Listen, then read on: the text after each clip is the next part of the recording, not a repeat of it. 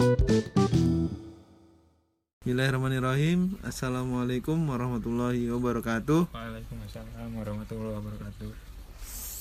Selamat malam untuk yang mendengarkan di malam hari. Selamat pagi untuk yang mendengarkan di pagi hari. Selamat siang. Jangan lupa makan siang sambil mendengarkan podcast. Loteng Pertemuan. Oke.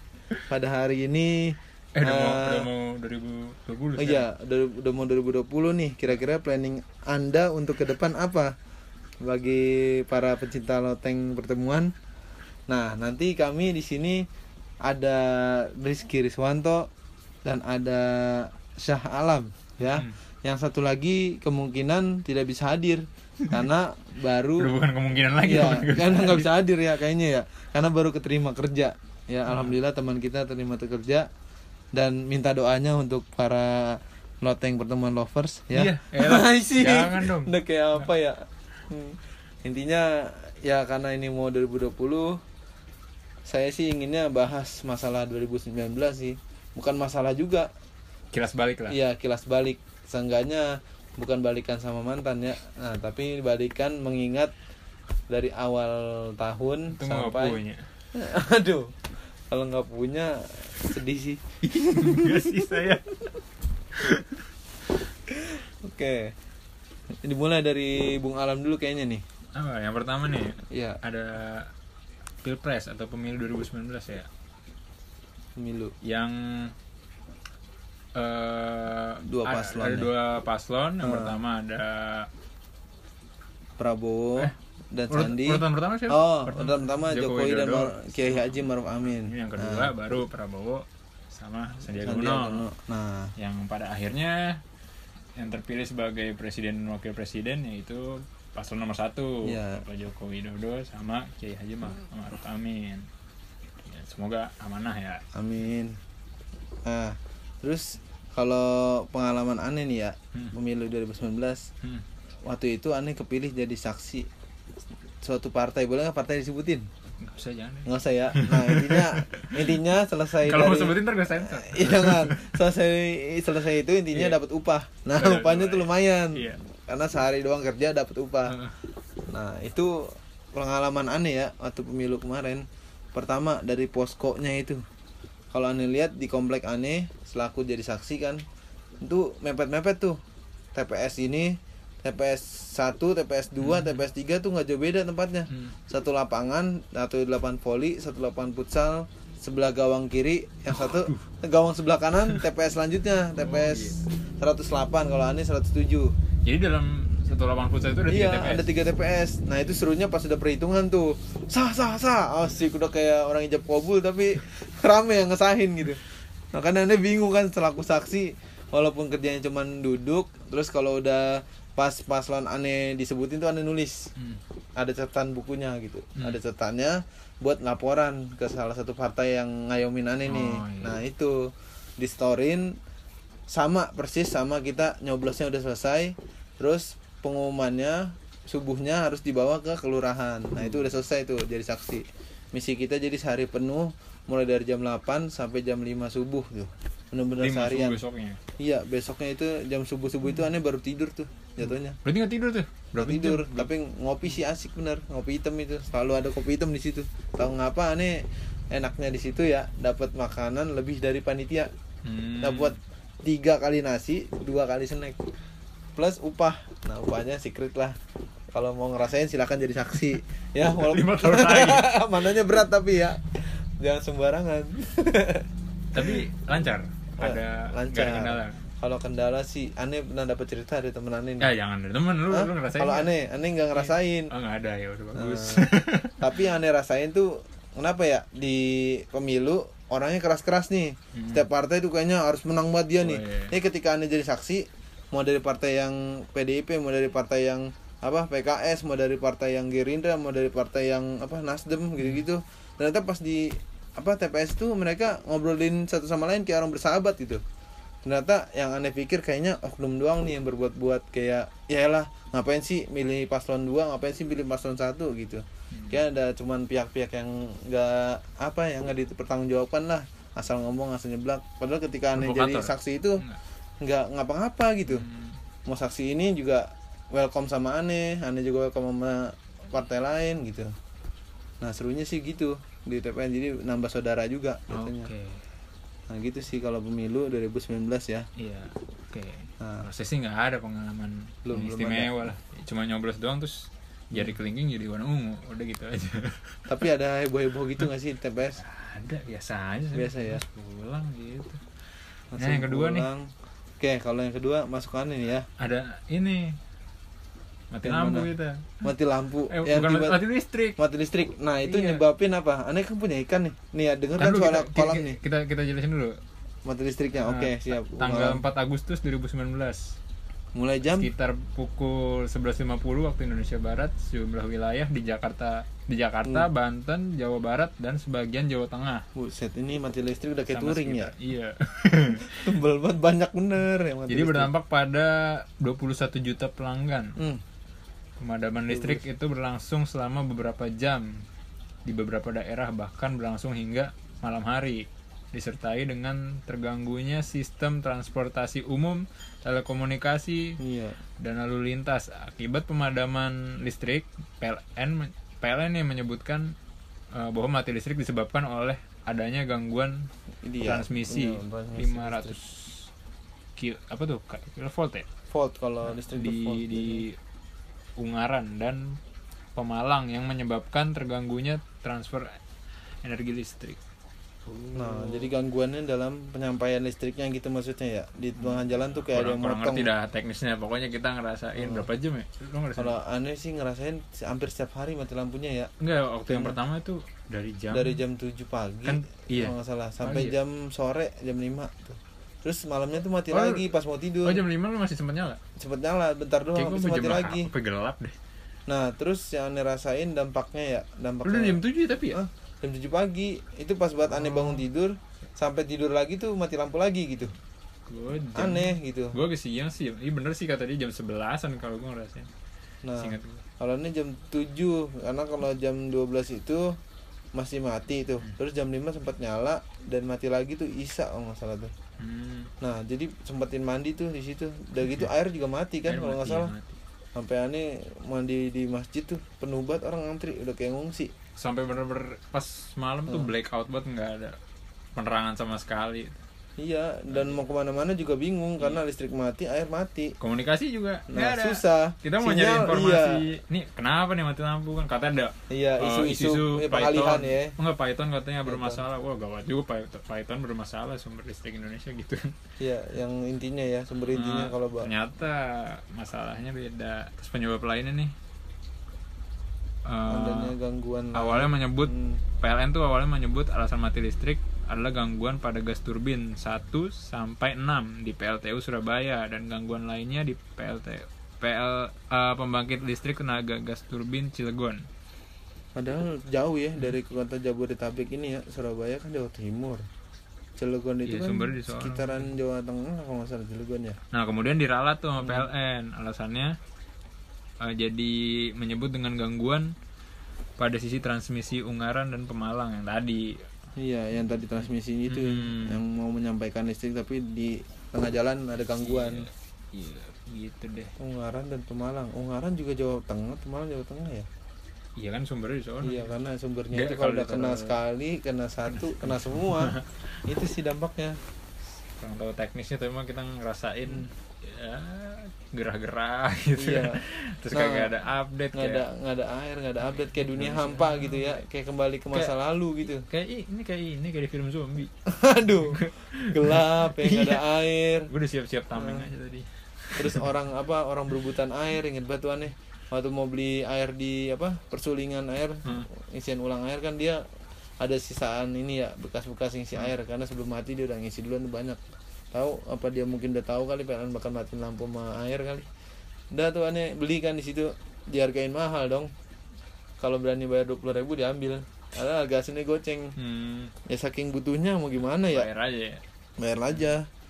Terus pas aneh lihat ternyata dampaknya bukan cuma di aneh doang ngerasain. Aneh punya kolam nih ikan. Denger nih ini suara filter kolam ya. Pas aneh lihat kolamnya ikannya kok ngambang semua. Oh, tewas? soalnya aneh aneh jual aneh ju- ini meliharanya tuh ikan koi ikan koi yang butuh filter butuh Oh. pernapasan bantuan gitu. Kalau ikan-ikan mungkin kayak bawal kayak Mujahid tuh kayaknya nggak usah nggak usah filter juga hidup lah. Kayak ini juga nih aneh punya bawal bawal padang namanya eh bawal padang apa sih? Gurame padang Hmm. yang albino tuh. Nah itu dia tahan tuh kalau filter jadi nggak bakal mati dia mau nggak ada filter mau nggak ada pernapasan bantuan apa pun dia bisa hidup. Karena oi ya mati. iya karena kayak dia punya apa clan god dah. Ikan clan god. Kalau ikan-ikan dari god kan dia tahan. Mau Oh. pakai pernapasan bantuan juga aman. Mau sepat Clan mau god. betok mau se- mau ini ikan batu ikan kepala batu tuh ada tuh. Ya pokoknya dampaknya gitu dah. Terus aneh waktu itu lihat tuh ada di YouTube sampai trending Raditya Dika tau nggak? Raditya Dika. Iya, kenapa? Dia trending dia buat YouTube tentang mati lampu. Padahal cuman backgroundnya dia tuh di YouTube ya gelap. Terus judulnya kalau nggak salah apa ya? Teriakan teriakan nang- tangisan bayi kalau nggak salah. Kan Kayak dia waktu itu dia, lagi kan? iya lagi ya lagi lahiran tuh kalau nggak salah pas buat mati lampu. Tapi Terus dia trending. kalau nggak salah gue liat video yang mana ya yang katanya ada te- beberapa tempat yang masih ada listriknya masih nyala jadi Masih bisa, nyala. bisa numpang ngecas segala macam mungkin Itu pakai itu di- kali ya pakai apa sih namanya genset genset kali tapi emang di Hmm. beberapa ini pusat pe- perbelanjaan tuh ada nyala iya kalau Alfamart tuh Iya. Alfamidi enggak enggak Alfamart juga Alfamart kayak mati deh Alfamidi, enggak kayak yang gede-gede ah. gitu misalnya Hypermart gitu Hypermart yang ini ya kayak mall-mall lah Carrefour, Carrefour. iya itu itu Hmm. katanya pada nyala sebenarnya dia orang pada numpang situ katanya sih gitu Iya, saya mungkin bisa numpang aja. ngadem kali ya atau numpang update ngecas kali. ngecas Iya, ngecas. Bukannya belanja malah pada ngecas ya. iya Udah tuh di rumah rebutan air, di sana rebutan listrik udah. Serba salah jadi udah kayak dunia zombie bener kata Bung Alam. Bapak rebutan. ya udah lanjut nih Nomor tiga sih ada nih ya FIFA resmi memilih Indonesia menjadi tuan rumah Piala Dunia U20 2021. Kalau pengetahuan aneh U20 Indonesia nanti ada si kembar Bagas Bagus. Itu naik ke level U20 dia sekarang masuk ke mana Sekarang masih di U18. oh, lupa. Karena yang U20 sekarang kan angkatannya si Osvaldo Hai kemarin tuh yang di SEA Games. eh selamat dulu lah Indonesia Ah, iya selamat. ya. Alhamdulillah Indonesia pada ajang kemarin U, U20. enggak ini udah udah udah satu Udah eh satu, apa udah iya. satu Piala Dunia U20 Piala Dunia U20 akhirnya kepilih. terpilih. ya Sayangannya tuh kalau nggak salah Brazil ya. Brazil Oh, iya. sama Ada, apa nih. satu lagi? ada Brazil Myanmar, Myanmar, Thailand, Thailand, Arab Saudi. Arab Saudi. Bahrain. No. Ibaratnya tapi ya, mereka ada yang mundur beberapa ya jadi akhirnya Indonesia yang dipilih. Akhirnya Indonesia. Dan pengumuman itu diumumin langsung sama ketua, ketua umum FIFA tuh. Siapa namanya? Yang baru? Siapa ya? Yang Lupa orangnya gundul. Bukan Sebletter kan? Bukan udah bukan. bukan ya Pokoknya dia ngumumin dan ketika itu Indonesia diwakili nama Ratu Tisha tuh datang ke FIFA hmm. buat mendengarkan bagaimana keputusan FIFA mengambil langkah untuk Indonesia jadi tuan rumah Piala Dunia U20. Nah, di situ sebagai warga Indonesia yang budiman ya, saya bangga banget gitu ya. Karena apa ya? Nggak nyangka aja gitu. Padahal Indonesia dari dulu berharap masuk Piala Dunia. Ternyata bukan hanya masuk Piala Dunia, jadi tuan rumahnya sekalian dah. walaupun Ibaratnya. U20 Iya, nggak apa-apa nggak apa-apa kan bertahap ya Iya. jatuhnya ya. Karena kalau lihat dari lapangan dari stadion udah mulai memadai. tapi stadion mana yang dipakai ya? Ya kalau aneh lihat Kan sih ya Sandra. Baga. Sandra. Baga pakai? Bekasi punya Sandra Baga, Wibawa Mukti. Terus Papua juga eh, yang. Manahan Solo, Papua apa sih Mandala? Papua Bangkit Mandala, iya Papua Man Bangkit nama stadionnya dulu Mandala apa itu Mandala Pura Oh. kalau nggak salah. Nah terus ada Solo, Stadion Solo, Jakabaring, Palembang, iya iya iya Tuh, sama intinya GBK. Itu Iya. sih yang udah dites kemarin buat ajang Asian Games tuh. Hmm. Luar biasa Wisnu Tama selaku ketua umumnya sih aneh salut banget. GBK bisa semeriah itu. Udah kayak bukan di stadion, desain belakangnya tuh koreografinya tuh apa? Kayak naik gunung. Susi Susi Susanti ya yang yang ngangkat obor sampai ke atas tuh di Aku Asian Games. tuh. Naik ke atas bukit itu. Wah, luar biasa sih GBK. Pas di Asian Games udah dipersiapin ternyata rezekinya GBK bener dan bagus langsung jadi Piala Dunia U20 jadi nggak sia-sia gitu ngebangun GBK yang dulunya cuman kursi apa dan jadi kursi lipat satu orang satu wah Tapi lu tertarik ntar nggak nonton? buat nonton sih pasti sih karena termasuk apa ya pencinta sepak bola ya Iya, iya. ceritanya Meskipun ini U20 kalau menurut gua eh, apa namanya? Anggarannya nggak terlalu besar dibanding Asian Games kemarin kan karena nah, Asian Games cabangnya banyak, ya Banyak. ada berapa puluh gitu kan terus kalau Piala Dunia sepak bola doang meskipun emang iya uh, World Cup istilahnya jadi nggak nggak Asia doang gitu semua semua semua negara benua. ikut ya. Mau Hampir- hmm, ya negara yang Afrika, diseleksi lah. yang sampai Semua- di hampir di semua benua ada ada Amerika, wakilnya gitu. benar. Gitu. Padahal jatuhnya namanya Piala Dunia, cuman nih Piala Dunia ini keterangan untuk sepak bola. Nah nggak ada buat buat eh, mungkin nanti ada di tahun berikutnya tahun ini setelah ini 2020 Olimpiade itu bentar lagi ada tuh Olimpiade 2020. 2020 karena Di- kemarin pas di di ya? SEA Games itu terakhir kan atlet Indonesia diwawancarain kan bagaimana persiapan kalian untuk Olimpiade 2020 kalau nggak salah tuh Olimpiade juga di Cina deh kalau nggak salah kalau nggak salah di Beijing lagi. Beijing Iya. kayaknya udah pernah deh. Eh nggak tahu deh ya pokoknya. pokoknya pokoknya. intinya gitu ya kalau masalah sepak bola sih menurut saya udah mulai maju Indonesia ya karena dari segi prasarana udah memadai Asli dari pemain-pemainnya pun udah mulai apa ya me- mengeropa lah terbang ke Eropa lah walaupun cuma satu Oh. yang paling terkenal. Gue internasional nah, gitu. go internasional. Nah itu sih untuk persiapan Piala Dunia U20 menurut aneh selaku Bung Wanto ya berkata ya kalau dari segi pemain 70% lah. Cuman kasihannya pelatihnya ini belum pasti kalau nggak salah tuh U20 Masa? nah terakhir kan Indra Safri tuh kemarin. Mungkin kalau tahun ini saya harap sih masih Indra Safri karena yang tahu metode pemain-pemainnya tuh beliau gitu sampai siapa? Menemukan Egy Maulana Fikri Evan Dimas. Tuh dengan biaya sendiri yang luar biasa bijaksananya beliau kan. Nggak minta diganti sama PSSI uangnya uang pribadi. Dia nggak mikirin bagaimana supaya anak Indonesia maju jadi main sepak bola. Tuh. karena Keren, salutnya keren. gitu. Luar biasa itu namanya pelatih. Nggak cuma sekedar pelatih ya jadi kayak bapak ya jatuhnya bapak, Bapak angkat. dari para pemain. bapak dari para pemain. Tapi gue lebih tertarik ini sih. Ntar menyaksikan pemain-pemain yang dari luar gitu. Ansu. Fati main gak? ya? Ansu Fati kan sama sekarang 16 tahun ya. sama si ini yang main Madrid Apa kemarin siapa? yang Jepang Kubo Kubo, Kubo. nah Kubo itu main main tuh dia Gue bukannya kemarin sempat main di Asian Game. Main gak ya? di Gua lupa. Asian Game kalau nggak salah dia main ya itu pas Lupa sebelum ditransfer ke Madrid sebelumnya Iya, jadi pas dari situ dari Asian Game dia di klub Jepang ditransfer lah ke Real Madrid nah dari Real Madrid tuh dipinjemin lagi Hmm. ke Real Mallorca oh, masalah tuh klub promosi Spanyol Liga Spanyol tapi tetap di Liga 1 Spanyol Terus siapa lagi yang berpotensi main? Ansu Fati, Ansu Fati, Kubo, terus Kemudian- kalau Indonesia ya jelas Egi Maulana tuh masih bisa main, Witan Yang masih bisa yang- main. Yang Eropa lah. Yang Eropa yang top ini lah. Werner. Eh, Timo- siapa? Timo. Yang ini top skor Liga Champion yang orang Denmark. Holland, Holland, Haaland. ya Holland. Itu kalau nggak salah berapa? 20 tahun kalau nggak salah. Ya, Karena dia, dia sama kayak Mbappe, 2021 Mbappe 20 juga kan. Denmark kan dia? Dia Denmark, Denmark, Denmark, dia masuk Denmark. kan nih U20-nya kalau masuk. Oh iya, itu- kualifikasinya Iya. itu ya. Kita kan nggak tahu. Eh, semoga saja sih Bra- ada Brazil sih sih, sih. Brazil sih banyak sih kayaknya. Brazil ya. Brazil contohnya kalau salah Richarlison ya. Richarlison udah berapa? Udah 20 ke atas. 20 ke ya. atas ya berarti salah ya tapi tetap sih kalau ada cabutan mungkin Neymar bisa ada karena Vinicius umur berapa? Vinicius masih 20 20-an lah 19, tapi masih 20 kalau kalau Iya. masalah umur jangan tanya saya dah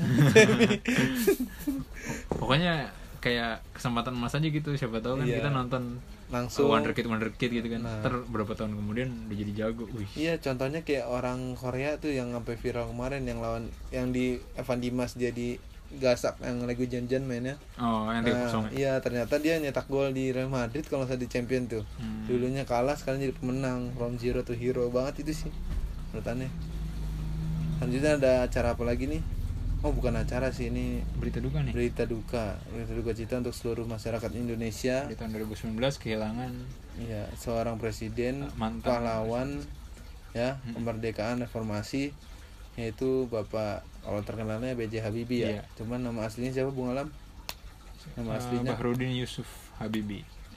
Nah, lahir lahir di Parepare, Sulawesi Selatan 25 Juni 1900 36. ya 36 meninggal di Jakarta tanggal 11 September 2019 yang pada saat itu umurnya mencapai 83 tahun menggantikan Soeharto pada saat itu tahun 1998 ya krisis diri. moneter di Indonesia dan akhirnya Presiden Soeharto mengundurkan diri ya dan dilihat oleh berbagai macam masyarakat di seluruh Indonesia. Akhirnya di situlah terpilih Baharudin Yusuf Habibie menjadi presiden nomor 3 di Republik Indonesia. Nah itu di situlah pada tanggal 11 September 2019 kita harus kehilangan seorang sosok pahlawan atau bapak reformasi kita ya dan saya pun sempat mendirikan bendera setengah tiang Hmm. untuk penghormatan Baharudin Yusuf Habibie atau Bapak B.J. Habibie Bapak Presiden ketiga karena ya menurut aneh beliau menginspirasi semua orang sih Betul betul betul. mulai dari orang Indonesia bisa bikin pesawat itu udah dan yang aneh ingat rumus apa kerusakan pesawat tuh ada. Nama rumusnya rumus Habibie nah itu aneh paling salut banget. Ketika aneh nonton filmnya pun di bioskop Habibie dan Ainun luar biasa. Jalinan kasihnya atau cinta kasih sayangnya hingga mau memisahkan pun eh, Bapak Bahrudin Yusuf Habibie almarhum ya setia sekali menemani istrinya. Eh di makam ini di mana ya? Kalau nggak salah di mana ya? Kayak dia minta sempat minta di sebelah Ainun ya? iya. Sebelah ibu Ainun iya. almarhumah. Nah. Nah, lanjut nih. Ada Lanjut. juga berita duka lainnya ada dari lainnya dari Ustadz kita atau guru besar Masjid Al Zikra di Sentul yaitu Kiai Haji Muhammad Arifin Ilham. Lahirnya di Banjarmasin 8 Juni 1969 meninggal di Penang 22 Mei 2019 Penang itu Malaysia Hmm. ya. Pada umurnya pada saat itu 49 tahun adalah seorang pendakwah yang berkebangsaan Indonesia. Ia mendirikan majlis taklim bernama Azikra. Dan Azikra itu selaku nama masjidnya juga Hmm. yang ada di Sentul berwarna putih. Kalau dari tol Sentul pun kelihatan masjidnya. Ia meninggal dunia pada tanggal 22 Mei 2019 setelah dirawat di rumah sakit di Penang Malaysia. Malaysia sempat Nah. dirawat dulu ya. Iya sempat dirawat. Jadi kalau waktu itu pernah dengar aneh sebelum beliau wafat itu ada kabar ketika beliau mau sehat tuh Oh, iya. terakhir. Nah karena anaknya Alvin ya waktu itu sama adiknya satu lagi laki-laki juga dia bilang kondisinya mulai membaik Hmm. tapi kodarullah karena udah takdir Allah akhirnya guru besar kita Ustaz Muhammad Arifin Ilham dipanggil oleh Allah untuk menghadap ke ilahi ya. Dan semoga amal ibadah beliau diterima di sisi Allah Subhanahu wa taala. Dan untuk keluarga yang tinggalkan diberikan kesabaran serta kekuatan dan ketabahan dan semoga anaknya yang Alvin atau Ustadz Alvin bisa meneruskan dakwahnya beliau sampai menuju Indonesia menjadi kader-kader Islami yang baik akhlaknya dan mulia perbuatannya. Amin amin. Nah, kita juga mendoakan demikian ya buat ini eh, keluarga Biji Habibie juga. Ya, semoga menjadi keluarga yang baik, keluarga yang mampu bersabar dalam menghadapi cobaan juga. Nah, di situ juga eh, Kiai Haji Muhammad Arifin Ilham disolatkan di Masjid Azikra Hmm. dari Penang Malaysia terbangkan langsung ke Masjid Al Zikra jenazahnya dan disolatkan oleh anaknya sendiri Alvin yang hadir pun alhamdulillah dan luar biasanya. Hingga lebih dari masjid yang di dalam sampai ada yang di luar sholatnya ya begitulah kalau aneh pernah dengar kata Ustadz aneh orang baik meninggalnya akan selalu baik ya. Bahkan disolatinya pun sama anak sendiri itu udah termasuk suatu kebaikan menurut aneh karena anaknya ada di situ melihat bapaknya meninggal dan menyolatkannya pun termasuk pahala. Itu kalau menurut Hanya aneh banyak belajar lah dari situ. Kalau maut itu nggak pandang bulu mau orang baik mau Iya. orang jelek mau orang tiba-tiba lari jatuh meninggal orang lagi jalan ke pleset kulit pisang bentur batu meninggal.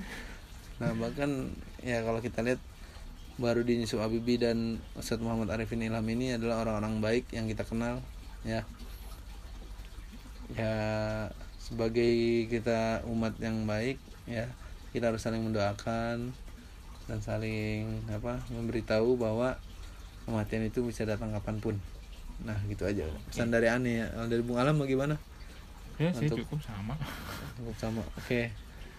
Nah, selanjutnya beralih dari berita duka yang kita lewati tadi, Hmm. ada, Ada akhir tahun ya Iya. Eh, iya bulan November. November, iya, akhir tahun lah. Menjelang akhir tahun benar. ada event SEA Games di SEA Games Filipina Di Filipina. Oke. Filipina SEA 2019 Games ke ya. 30 30 tepatnya di Filipina. Ibu Nah. kotanya namanya Manila. Manila. Nah, SEA Games itu apa singkatannya South Southeast Asian Southeast Asian Games ya iya ya South gitu East, karena di Asia Tenggara doang, negara-negara. Asia Tenggara. Berlangsung juga kurang lebih 10 hari lah Iya, kurang lebih 10 hari.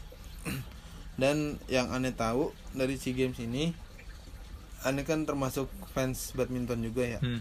Nah, itu aneh pertama kali lihat emas Indonesia. Tapi ternyata bukan yang pertama. Cuman aneh nontonnya terlalu fokus ke badminton. Jadi badminton bergu Indonesia yang diisi oleh para putra-putra Indonesia mendapatkan emas.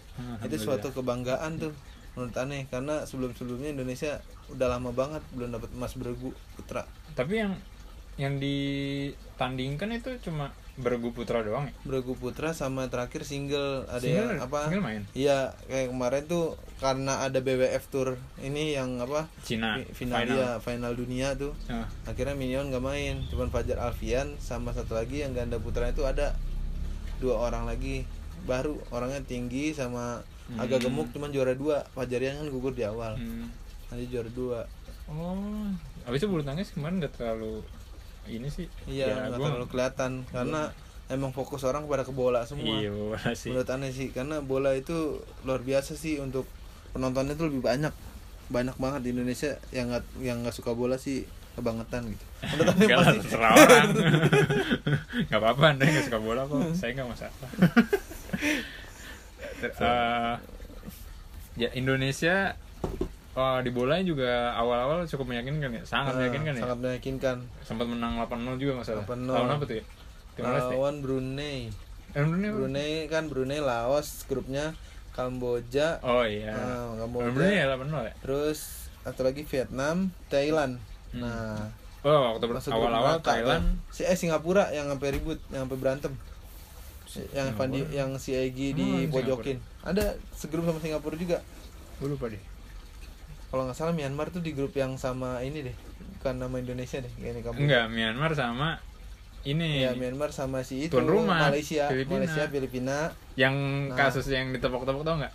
Yang ada ada pemain Filipino nggak salah tuh yang pas lagi salaman kan biasanya. oh iya biasanya kan salaman salaman Oh, kena dia- tangan dia tangan nepok, ya nepok pundak doang. terus pada pada sampai viral ya yang ada apa nih main Filipina Iya. Kan nggak salah lawan Malaysia deh. Iya, Malaysia terus pada Malaysia. protes pemainnya gitu. nah Nggak- kalau Indo- Indonesia kejadian di Singapura itu pas lawan Singapura si Egi lagi megang bola di pojokan corner itu viral kok juga sama tiga orang rawakin Egi Aduh Eginya orangnya sabar ya dia kalau menurut Anda mah tawadu mah orangnya dia orang didorong terus hampir mau berantem tuh akhirnya dipisahin sama pemain Singapura nah tapi pemain Singapura bukan misahin dia ngedorong lagi Hmm. ya mau nggak mau turun tangan teman-teman yang hampir mau berantem cuman ya karena wasitnya tegas akhirnya dipisahin langsung selesai urusannya Ah, segrup sama Oh untungnya sama Thailand menang ya. Thailand yang Iya, yang eh, dikira underdog ya karena dia Enggak, juara bertahan juga. underdog dong, justru dia unggulan. Dia dia digadang-gadang bak- bakalan mudah lolos nih Thailand Hmm. nih. Oh kan ada Vietnam juga di situ. Ternyata Ya, pertandingan pertama kalau saya ketemu Thailand ya. ketemu Thailand Langsung dulu. menang kan Indonesia. Menang. lawan Singapura. di pertandingan terakhir tuh tiga tim ini Thailand, Indonesia, Vietnam tuh poinnya sama. Heeh. Tapi kalau Vietnam menjauh karena dia belum pernah kalah. Iya, karena waktu Hmm. kan pertandingan terakhir si Vietnam ketemu Thailand. Heeh. Eh, Thailand sempat unggul tuh babak pertama. Jadi poinnya kemungkinan Thailand bisa lolos. Kalau menang lawan Vietnam. menang Vietnam, Hmm. ternyata comeback Vietnam. Nah, Keren juga untungnya- Vietnam nih emang. Iya, Lawan Indonesia juga comeback kan. Iya lawan Indonesia awalnya 1-0. Sedihnya tuh menit akhir. Golnya jarak wah benar-benar Emang cantik sih emang. 90 tambah berapa 4 ya kalau nggak salah ya terakhir. Iya, pokoknya menit akhir. Pas menit akhir 4-4-nya itu pas plus 4-nya itu tuh pas di Kayaknya kayaknya nyampe segitu deh. Kayaknya masih 89 atau berapa. Tendangan jarak jauh itu ya yang dari luar Belum, kotak lurus banget dan tajam banget itu. Tendangan udah kayak jarum nancep ke pakaian. Akhirnya final ketemu lagi Vietnam. Mm. kalah deh kita. Karena menurut gue eh, cederanya Evan Dimas nah kayak Sangat cederanya. Payet sama Cristiano Ronaldo. Eh sama Muhammad Salah. Ya ketika di final tuh Payet yang Chris- awalnya awalnya eh pahit nggak? Cristiano Ronaldo. Ya digituin sama Payet. Iya. nah terus si Salah dipegangin sama si, si McDon sama pemain Ramos. Ramos ya pemain Madrid. Smackdown. iya orang dipegangin tangannya lagi bawa bola. Iya pokoknya Wah. gitu dah. Nah, itu kejadiannya mirip Jadi, banget. jadi eh, pemain kuncinya kayak hilang Indonesia. Terus walaupun sempat menekan di Iya, awal-awal pertama babak, nah. ketika kehilangan Evan Dimas langsung kayak kehilangan ritme permainannya. Iya dan saya salutnya itu Evan Dimas apa ya bagus gitu. Dan walaupun dia cedera dia masih nemenin rekannya dengan kursi roda. Hmm. Jadi mau hebatnya seorang lagi pahlawan. Hmm? dia mau ke mana lagi habisnya? Kalau kalau kabur medalinya buat siapa ya? Gitu. Ini iya. Terus atlet apa cabang lain kira-kira? Ada ini tapi di eh, selain itu perolehan medali Indonesia Bukan. berapa? SEA Games di Filipina ternyata ada beberapa problem gitu kan yang pertama makanan tuh. Makanan sempet. Oh yang katanya yang halal sama nggak ya? nggak halal nggak dipisahin. Jadi yang atlet-atlet muslim yang nggak bisa makan makanan yang non halal kebingungan tuh. Oh yang waktu itu Evan Dimas diwawancarain juga ya sama reporter TV gue ya? nggak tahu. Pokoknya banyak banyak yang protes deh komplain gitu kan Eh, kenapa makanan halalnya nggak dipisahin gitu? Jadi orang bingung nih yang halal yang mana yang enggak yang mana gitu kan. Jadi terlalu disatuin dan hampir mirip gitu ya yang mana nggak bisa ya orang nggak ngerti kan Iya. namanya orang luar terus Orang datang ke negara. ya. na- datang ke negara jadi. yang asing ya ini kita nggak tahu makanan khas dia kayak gimana. Nah, terus ada beberapa cerita katanya atlet tak- ada yang harus keluar Oh, lingkungan Hmm. eh, itu lingkungan apa namanya arena si asrama lah gitu kan. Atau asramanya? Hmm. eh, untuk cari makanan makanan sendiri. Jadi nggak makan dari makanan yang disediain. Gitu. Terus aneh waktu itu juga ngeliat sih yang di berita salah satu venue atau pelaksanaan gedungnya belum jadi itu di Filipina. Iya konversi Nah. persnya di gudang. Nah akhirnya di gudang. Walaupun akhirnya diprotes Eh. dan diperbaiki jadi pindah ke tempat eh, yang lebih baik lah gitu kan Iya. ada lagi keterlambatan bis. Bis ini ya bis pesertanya ya? Bis. Kayaknya timnas Indonesia deh. Timnas Indonesia eh, sepak bola eh, telah dijemput untuk ke tempat latihan dari hotel ke tempat latihan tuh eh, udah ditunggu 30 menit bis nggak kunjung datang akhirnya Hmm. mereka jalan kaki ke tempat latihan. Wah, lumayan jauh juga ya berarti ya? Gitu. Kalau ada persiapannya begitu di Filipina. Iya, tapi terlepas dari Hmm. kekurangan-kekurangan tadi gini-gini orang Filipina ini loh seluruh rakyat itu kan. Nah, sekian juta rakyat Filipina itu ternyata bisa bahasa Filipina. Gua kira ada apaan ya? Ternyata begitu ramainya masyarakat Filipina semuanya bisa bahasa bisa bahasa Filipina, Filipina. Ya udah selesai lah. Istimewa kan? Istimewa. ada di negara lain. Indonesia bahasa Indonesia. Tapi yang salutin dia sebagai tuan rumah juara umum. Itu dan Ya. medalinya terbanyak emasnya itu sampai 1000 kalau nggak salah. Masa? Eh, Sampai 1000? sampai 100 dia doang yang sampai 100 sisanya cuman bawahnya 90 80 emasnya doang ya. Nah itu perolehan medali di Filipina. Terus kalau totalnya Indonesia dapat berapa? Bung Alam? Lupa saya. Indonesia. gitu lah oh peringkatnya? Hmm. Ya Indonesia menempati peringkat keempat dengan koleksi 267 medali eh, dengan koleksi 72 emas 84 perak 111 perunggu. Di bawah eh, Thailand yang nomor 3 nomor tiga kedua Vietnam yang pertama tuan rumah Filipina yang tadi bahasanya bisa bahasa Filipina Nah, Makanya- yang unik itu termasuk unik, banget sih Nggak ya. ada negara lain nggak ada obatnya itu emang kok gitu Bung Alam terus Yang katanya penting- ada ini juga cabang e-sport ya e-sport. Di Nah, itu Indonesia diwakilin sama tim yang kemarin juara tuh di MI M1. Nah itu terdiri dari pemain-pemain EVOS Legend. Hmm. Ada Saya. Julianto. Jelasin jelasin. Itu kalau Mobile Legend ya kan Iya. e-sport ada banyak tuh Iya. di situ di Iya. olahnya ML ML. ML ya Mobile Legend. Nah di situ ada Julianto, ada si ah, pokoknya semua pemain EVOS Legend dah nih lupa namanya tuh karena kalau julukan gamersnya ada Donkey, ada One, ada Aura, terus ada si Luminer. Hmm. Nah itu nama-nama gamersnya cuman nama aslinya nggak tahu karena kan mewakili negara jadi nggak boleh pakai nama gamers jadi harus pakai nama asli. Nah di situ Indonesia menempati posisi kedua di Mobile Legend kalah dari Filipina kalau nggak salah. Nah skornya 3-2 tipis Hmm. tipis banget skornya 3-2 karena dia lima kali tanding. Nah selain itu ada kendala lagi nih. Apa tuh kendalanya pengalaman? Sempat ada badai topan Kamuri Di mana tuh? di Filipina kemarin jadi sempat ada eh, pergeseran jadwal beberapa cabang olahraga terutama yang outdoor diundur karena cuaca buruk gitu Contohnya olahraga outdoor yang Ya. di SEA Games apa hmm? lompat jauh masuk Iya, nggak iya, lompat jauh masuk. gitu ya Terus lari maraton outdoor, ya. iya. maraton deh ya gitu dah yang outdoor Hmm. outdoor gitu jadi banyak kendala juga ya ternyata nggak semulus yang kita bayangkan ya Mm-mm. itu cuman sekedar SEA Games gitu ya ya semoga di Olimpiade tahun depan kalau beneran ada nih lancar dah dan. Indonesia dapat yang sesuai diinginin sama Kemenpora sama semua yang masyarakat Indonesia pengen semoga dapat di Olimpiade nanti Amin, dibalaskan amin. semuanya nah untuk apa honorable mention nih Emang ada 2019 apa? yang viral di bulan Desember ini menurut aneh serangan kobra wah itu Oh. yang aneh nggak habis pikir Itu di mana? kenapa Depok setiap ya? wilayah di Depok ada Bekasi pun Eh, Bekasi ada ya? di Jakarta pun banyak di mana lagi? Bogor pun ada. Bekasi dari mana? Bekasi Cikarang ada. Terus kata teman Oh. aneh itu tadi di grup WA gitu kan nge-share. Itu ada di apa sih yang jarang orang ini? Babelan. Hmm. babelan ada tuh satu ekor. Eh satu ekor satu hari ketemu 28 ekor. Udah kayak kaleng biskuit aja masukin ke toples. Kata aneh wah sumpah itu. Padahal kebetulan tuh kalau aneh nggak habis pikir ya baru viralnya Panji Petualang main ke Deddy Kobuser bawa King Cobra nggak lama setelah itu viral tuh serangan kobra di seluruh wilayah Indonesia termasuk Jabodetabek tuh. Mungkin kalau ibu Ane kerja di Jakarta Utara kan ya itu dia anak-anak kecil marah nyari ulernya. Bukan membasmi ular tapi dia nyari.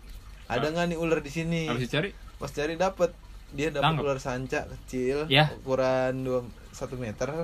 Sama dia dapat ular apa ya ular kadut kalau nggak salah ular kadut nah itu ular Tapi itu ulur-ulur yang ini bukan Iya, yang ular- bukan, bikin bukan berbisa ternyata Iya, bukan. karena dia nyari bukan Oh. kan kalau kobra itu kan dia nyerang maksud Iya, nyerang iya, ya iya. dia berkeliaran sendiri Iya kan ini fenomena kok berakhir Iya. makanya katanya orang nyari sama orang nemu nggak sengaja ternyata sereman orang nggak sengaja nemu Hmm. Nah sampai tuh Panji Petualangnya pun turun di daerah Cakung tuh di kalau aneh lihat di berita dia masuk ke daerah Cakung ikut dia di situ. Orang sampai viral kok ngambil ular kobra udah kayak ngambil cacing pakai satu tangan. Dan reporternya nanya mas kok megangnya biasa aja? Gitu. Padahal kan ular kobra. Kobra tuh kalau kita deketin dia nyemprot bisa. Hmm. makanya banyak tuh aneh gara-gara serangan ular kobra. Aneh sering nonton di YouTube cara penanganan ular kobra. Kalau misalnya buat ibu-ibu gunain sapu atau kalau misalnya buat bocah-bocah lagi main pakai sendal swallow injek kepalanya pakai sendal tapi jangan dibunuh karena kan makhluk hidup butuh hidup juga kan Iya kan. Jadi hidup. jadi emang eh, sebaiknya Iya. jangan buru-buru dibunuh gitu ya. Iya. Ke- Kalau curi udah membahayakan banget, oke nggak apa-apa gitu. Jadi selama masih bisa ditangani sama yang ahlinya, Ahlinya. mungkin kak eh, lapor dulu gitu, lapor lah ke eh, yang bisa menangani gitu. iya benar Dan kemarin gue liat di TV juga cara penanganannya ya. Eh, ini kayak sebenarnya ular itu nggak akan menyerang kalau dia nggak merasa terancam. terancam. Jadi mungkin kalau misalnya dia lewat aja terus kita diem nih, nah, kita bakal dianggap sebagai benda mati biasa aja gitu. Jadi nggak nggak nggak dianggap ancaman nggak ya dianggap karena ancaman, kita nggak ganggu iya, dia ya jangan dicoba sih tapi namanya kobra berbisa kan kita nggak tahu tiba-tiba dia pakai kok gitu. Habis dah keluar bisanya nyemprot kan. Iya. kayak semprotan ini jendela bersih dah nyawa kita. Namanya kobra kata kalau kata Panji Petualang ya kobra kecil itu bahayanya kenapa? Dia belum bisa ngatur semburan bisanya. Hmm. jadi kalau yang gede dia berbisa gigit ya. Kobra itu kalau king kobra dia gigit baru keluar bisanya. Tapi kalau Hmm. kobra biasa dia bisa nyemprotin bisanya. Dan itu kalau kena kulit gimana? Efeknya? Dia bukan ke darah dia jatuhnya ke getah bening. Jadi kalau bisa kena kita itu ke getah bening bukan ke darah. Kan kalau darah kita mau ngapain ngapain pun tetap ngalir kan. Hmm. tapi kalau ini bisa masuknya ke getah bening. Jadi kalau kita kasih papan kanan kiri ini misalnya kita di, di tangan kasih papan tangan kiri atau kanan kayak digip lah orang kayak patah. Jangan gerak dulu nggak boleh gerak karena kalau semakin kita banyak gerak meninggal. Ada aneh waktu itu ngeliat di YouTube juga berita baru nih. Hmm. satpam bukan nemu ular kobra tapi ular welang. Ular welang itu dia ular apa garis hitam sama abu-abu. Itu berbisa juga digigit jarinya. Yang bodohnya dia dia megang ular itu sampai digigit itu sampai 30 menit. Ya efek Allah. efek bisa itu 15 menit pun Iya. udah berasa kalau kalian gerak-gerak. Tapi kalau kaliannya diam atau kaliannya merasa udah aman nih tangan jangan sampai gerak apa pun dan langsung dibawa ke rumah sakit insya Allah selamat Hmm. ya tapi yang tahu kematian kan hanya Allah subhanahu wa taala kita hanya bisa memohon ya nah di situ kebetulan hansipnya megang 30 menit dibawa ke rumah sakit akhirnya wafat meninggal karena nggak sempat tolong Enggak, tapi eh, tadi yang gue tanya kalau nyembur kan nyembur kena kulit itu masuk getah bening Iya dia Nyembur- nyembur bisa, doang. Bisa itu ya gitu. Tapi kalau ke mata langsung hancur matanya. iya oke oh berarti bisa tuh bisa masuk Iya. kalau walaupun dia nggak nancep gini Enggak, walaupun nggak nancep. hmm. Ya efeknya begitu sih. Makanya waktu itu aneh juga pernah ikut ekspedisi mencari ular gitu ya. Berasa kayak bolang gitu dulu kan orang kalau nggak nggak punya HP Android kan dulu belum ada ya. iya Jadi aneh main di samper, nyari-nyari ular, nyari bunglon tuh. Nah, teman aneh ini kena semprotan bisa. Itu langsung tuh sama teman aneh dilap dulu awalnya. Ternyata nggak boleh dilap. Jangan dikasih apa-apa karena kan Hmm. bisa kan bakteri. Tambah lagi lap kalau lapnya bersih, kalau lapnya kotor akhirnya mau nggak mau langsung dilariin ke rumah sakit dibawa sama yang ahli gitu kan aneh juga nggak tahu aneh diem nangis aja pokoknya ngerasain tuh gimana sakitnya kayaknya ngebayanginnya udah parah dah ternyata pas sampai rumah sakit cuman dikasih infus apa gitu antivirus kalau nggak salah nah di apa situ AVG apa Iya. afas mandap mandap Mantap. virus itu mali. Virus laptop itu mali. Oh, iya. Vaksin lah gitu ya? Vaksin ya antivirus lah. Kalau penyakit antibiotik. Kalau minum ke dalam. Nah kalau ini suntikan vaksin ya bener lah. Penawar lah gitu Nah, ya. penawar. Nah, alhamdulillah selamat tuh di situ. Mana udah panik-paniknya namanya bocah kan masih kecil dulu mah SD. Wah, bener-bener tuh. Udah ularnya dibuang, untungnya nggak dibunuh, dibuang ke tempat yang jauh, hmm. Yang jauh dari pemukiman warga biar nggak dia nggak balik lagi tuh ular. Ya udah. Pokoknya intinya waspada deh. Nah, lagi kalau musim hujan gini. musim-musim hujan di mana ular itu oh gua aktif di malam hari ya. iya. Gue sempat nggak tahu kan lu bilang di Bekasi ada. Kemarin tuh gue jalan menga apa menerjang banjir gitu jalan kaki dengan santainya. Hmm, banjirnya tuh. Dengan santainya. sampai ngelebihin mata kaki lebih Ah. gitu ya ya gue nggak tahu kan Bekasi ada penyerangan gitu. ada yang berenang gitu kan ngeri juga tapi Harus mau susah bedainnya sih karena kecilnya kayak cacing bener Hmm. Kob- cuman apa ya bedain kobra sama ini ular lain ya aneh juga bingung sih mungkin kalau dia mekar baru beda kelihatan iya ya iya iya ya apalagi itu orang awam kilap kan gitu deh Iya, kalau itu mengkilap, kilap. kalau tiba-tiba ular biasa nyemplung got kan mengkilap juga Iya itu. Sudah, yang penting hati-hati aja. Iya, iya. Intinya kalau kata ahlinya, kalau apa tindakan terakhirnya kalau kita panik bunuh ularnya sebelum dia ngebunuh kita, gitu. Itu kalau daruratnya. Kalau honorable mention dari Bung Alam, saya nggak ada apa ya kira-kira apa ya? Apa? Atau honorable mention untuk 2020. Hmm? Oh 2020 gini aja harapan lo 2020 apa? Nah, gitu. Lu pengen 2020. buat tanya kayaknya Apa harapan biar mantap 2020 Eh enggak sebelum itu nanya dulu deh 2019 Iya. eh pengalaman apa yang belum enggak saya lupain gimana kehidupan lo 2019? 2019 pertama dapat kerjaan di 2019 Oke. terus satu kebanggaan kan terus yang kedua ya bantuin adek nyari kuliahan Hmm. dari dia kan lulus SMA mau kuliah alhamdulillah bantuin survei Hmm. dan dapet di tempat yang paling nyaman terus yang ketiga ya, ya pokoknya yang ketiga itu jadi ketua uas jadi ketua apa kelas meeting di salah satu sekolah yang saya ajar nah begitulah Oh jadi 2019. 2019 bagi lu banyak Iya, banyak. hal-hal baru ya, Ya, yang belum pernah alami. Hmm. dan dapet cewek yang bisa Ya ditakutin ya udah. dah. doain ya semoga lancar Ka- Kalau uh, Alam 2019 gimana, gimana, gimana? Ya sama banyak pelajaran-pelajaran baru yang gak disangka-sangka gitu. Maksud planningnya apa? Tiba-tiba dapatnya eh, apa ya? Apa hal yang tadinya beban yang gitu. Kayaknya gitu ya. kayaknya Jadi oh, kayaknya gue bisa yang ngelaluin ini ya. Hmm.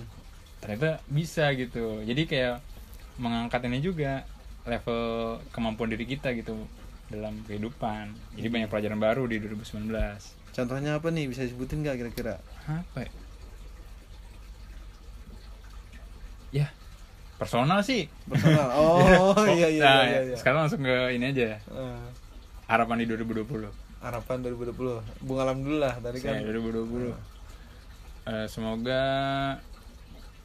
lebih mudah mendapatkan. Amin. ya belum. Oh, belum.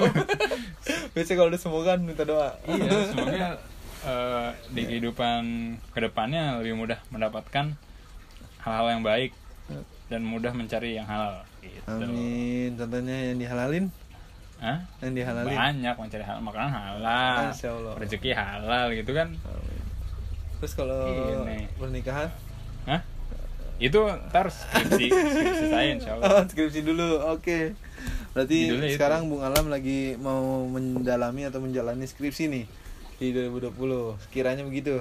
iya 2020 lulus. Amin Amin, doain ya kawan-kawan. udah lulus sekarang Eh, Karena kalau aneh 2020 pertama ya eh, karena kemarin ada PNS ya, aneh berharap sih 2020 diangkat jadi ASN soalnya mau nyari pengalaman gitu. Hmm. kan kita kan belajar harus ke mana aja kan termasuk jadi pegawai negeri nah 2020 aneh pengennya tinggal di Jogja dan jadi ASN di sana terus kalau yang paling intinya 2020 aneh punya kepastian lanjut S2 di mana sama punya ini. Nah. Itu kepastian aneh kalau di 2020 amin amin. Doain yang terbaik aja. Doain. lanjut. Udah? Oh, kayaknya udah, oke udah. sekian menit udah lama. Semoga yang mendengarkan mendapatkan manfaatnya. Ambil yang baiknya aja, yang buruk mah dipingkirin aja gitu, Iya, iya. disingkirin. Jangan kayak ular kobra tiba-tiba nyemprot bisa, jangan. Ya, bahaya. Oke, langsung closing. udah udah gimana closing udah lah assalamualaikum warahmatullahi wabarakatuh Waalaikumsalam warahmatullahi wabarakatuh.